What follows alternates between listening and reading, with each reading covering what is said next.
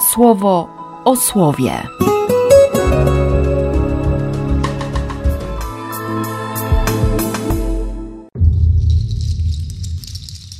9 października, sobota.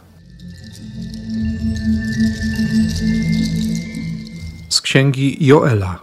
Niech powstaną i niech podążą wszystkie narody do doliny Joszafat, bo tam zasiądę, aby sądzić wszystkie okoliczne narody.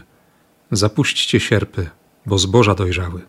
Wejdźcie do tłoczni i depczcie, bo już napełniona.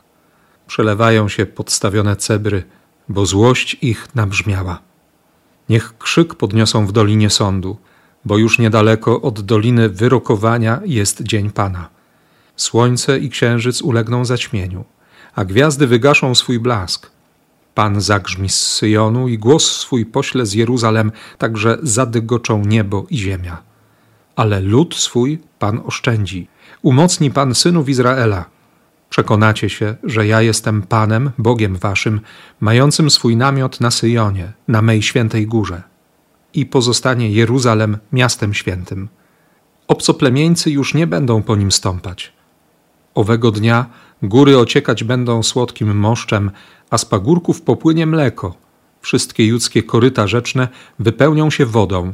Źródło wytryśnie spod domu Pana i napełni koryto strumienia Shittim – Egipt ulegnie zagładzie, Edom stanie się nagą doliną z powodu krzywd wyrządzonych synom Judy.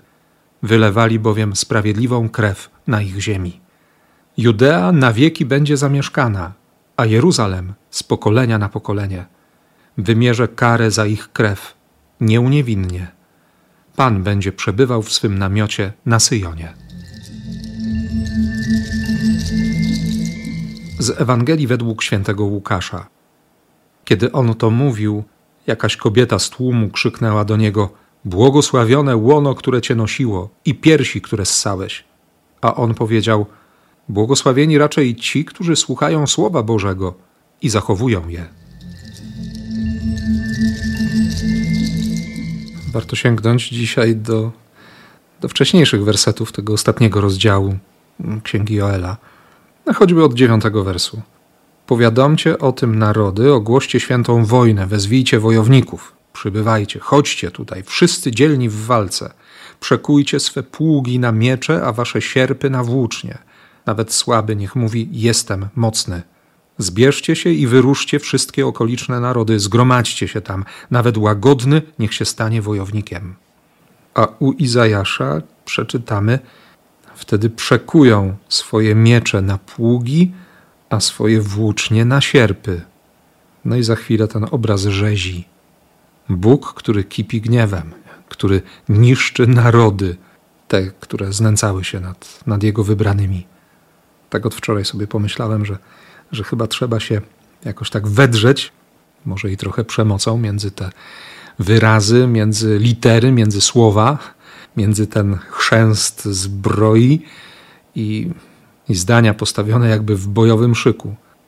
I dotarło do mnie, że chodzi o ostateczny sąd nad złem. Nad złym. Przychodzi taki czas, żeby wreszcie przestać się panicznie bać zła, które owszem hula po świecie, które jakoś dławi te, te wszystkie nasze dobre pragnienia. Nawet podcina skrzydła tym postanowieniom, które są pełne ducha Bożego. Sam tego doświadczyłem dziś. To jest ten moment, dziś jest ten moment, żeby powiedzieć za świętym Pawłem: Wszystko mogę w tym, który mnie umacnia. I że nic nie jest nas w stanie wyrwać z serca Boga. Nic nie jest nas w stanie odłączyć, oderwać od miłości Chrystusa. I bynajmniej wcale nie stracimy kontaktu ze sobą. Nie zamarzy nam się ten rzeczywisty ogląd stanu własnego serca. Tak, dzisiaj, dzisiaj trzeba po raz kolejny wyraźnie powiedzieć, że, że jest przy nas mocniejszy, że jest święty, że to zło zostało pokonane.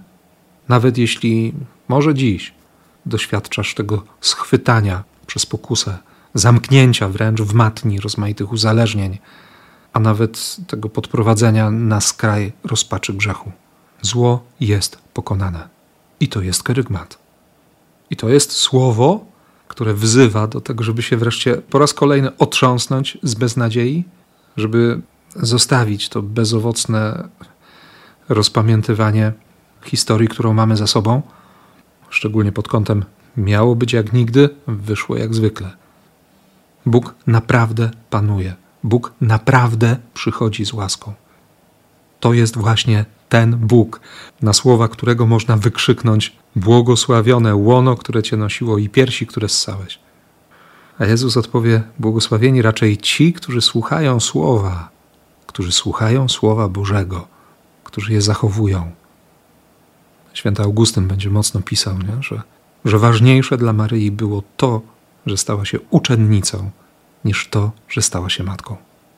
Bo była taką uczennicą, tak słuchającą słowa, że słowo mogło się w niej wydarzyć, mogło się w niej stać życiem, mogło wyjść z niej jako życie, życie, które nam się objawiło. Być takim uczniem, który nie tylko sam się narodzi do życia, ale w taki sposób będzie przyjmował słowo, że, że ono będzie rodzić do życia innych. No, no Kościół. Nie? Po to mamy Kościół. Po to jesteśmy Kościołem i ty i ja. Na taką bliskość ze Słowem, na przyjęcie tego życia i na życiodajność tego, jak słuchasz i co z tym Słowem robisz. Błogosławię jak tylko umiem. W imię Ojca i Syna i Ducha Świętego. Amen. Słowo o słowie.